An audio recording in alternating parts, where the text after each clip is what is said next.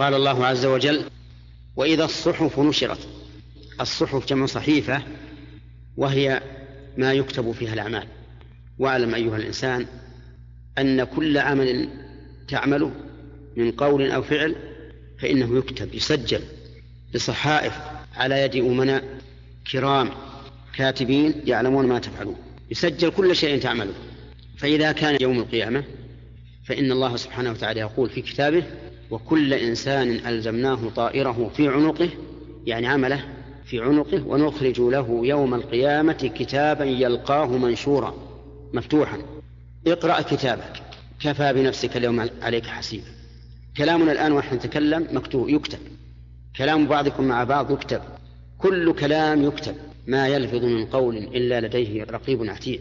ولهذا قال النبي عليه الصلاة والسلام من حسن إسلام المرء تركه ما لا يعنيه.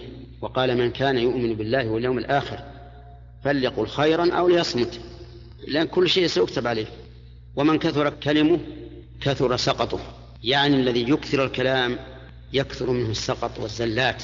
فاحفظ لسانك فإن الصحف سوف يكتب فيها كل ما تقول وسوف تنشر لك يوم القيامة.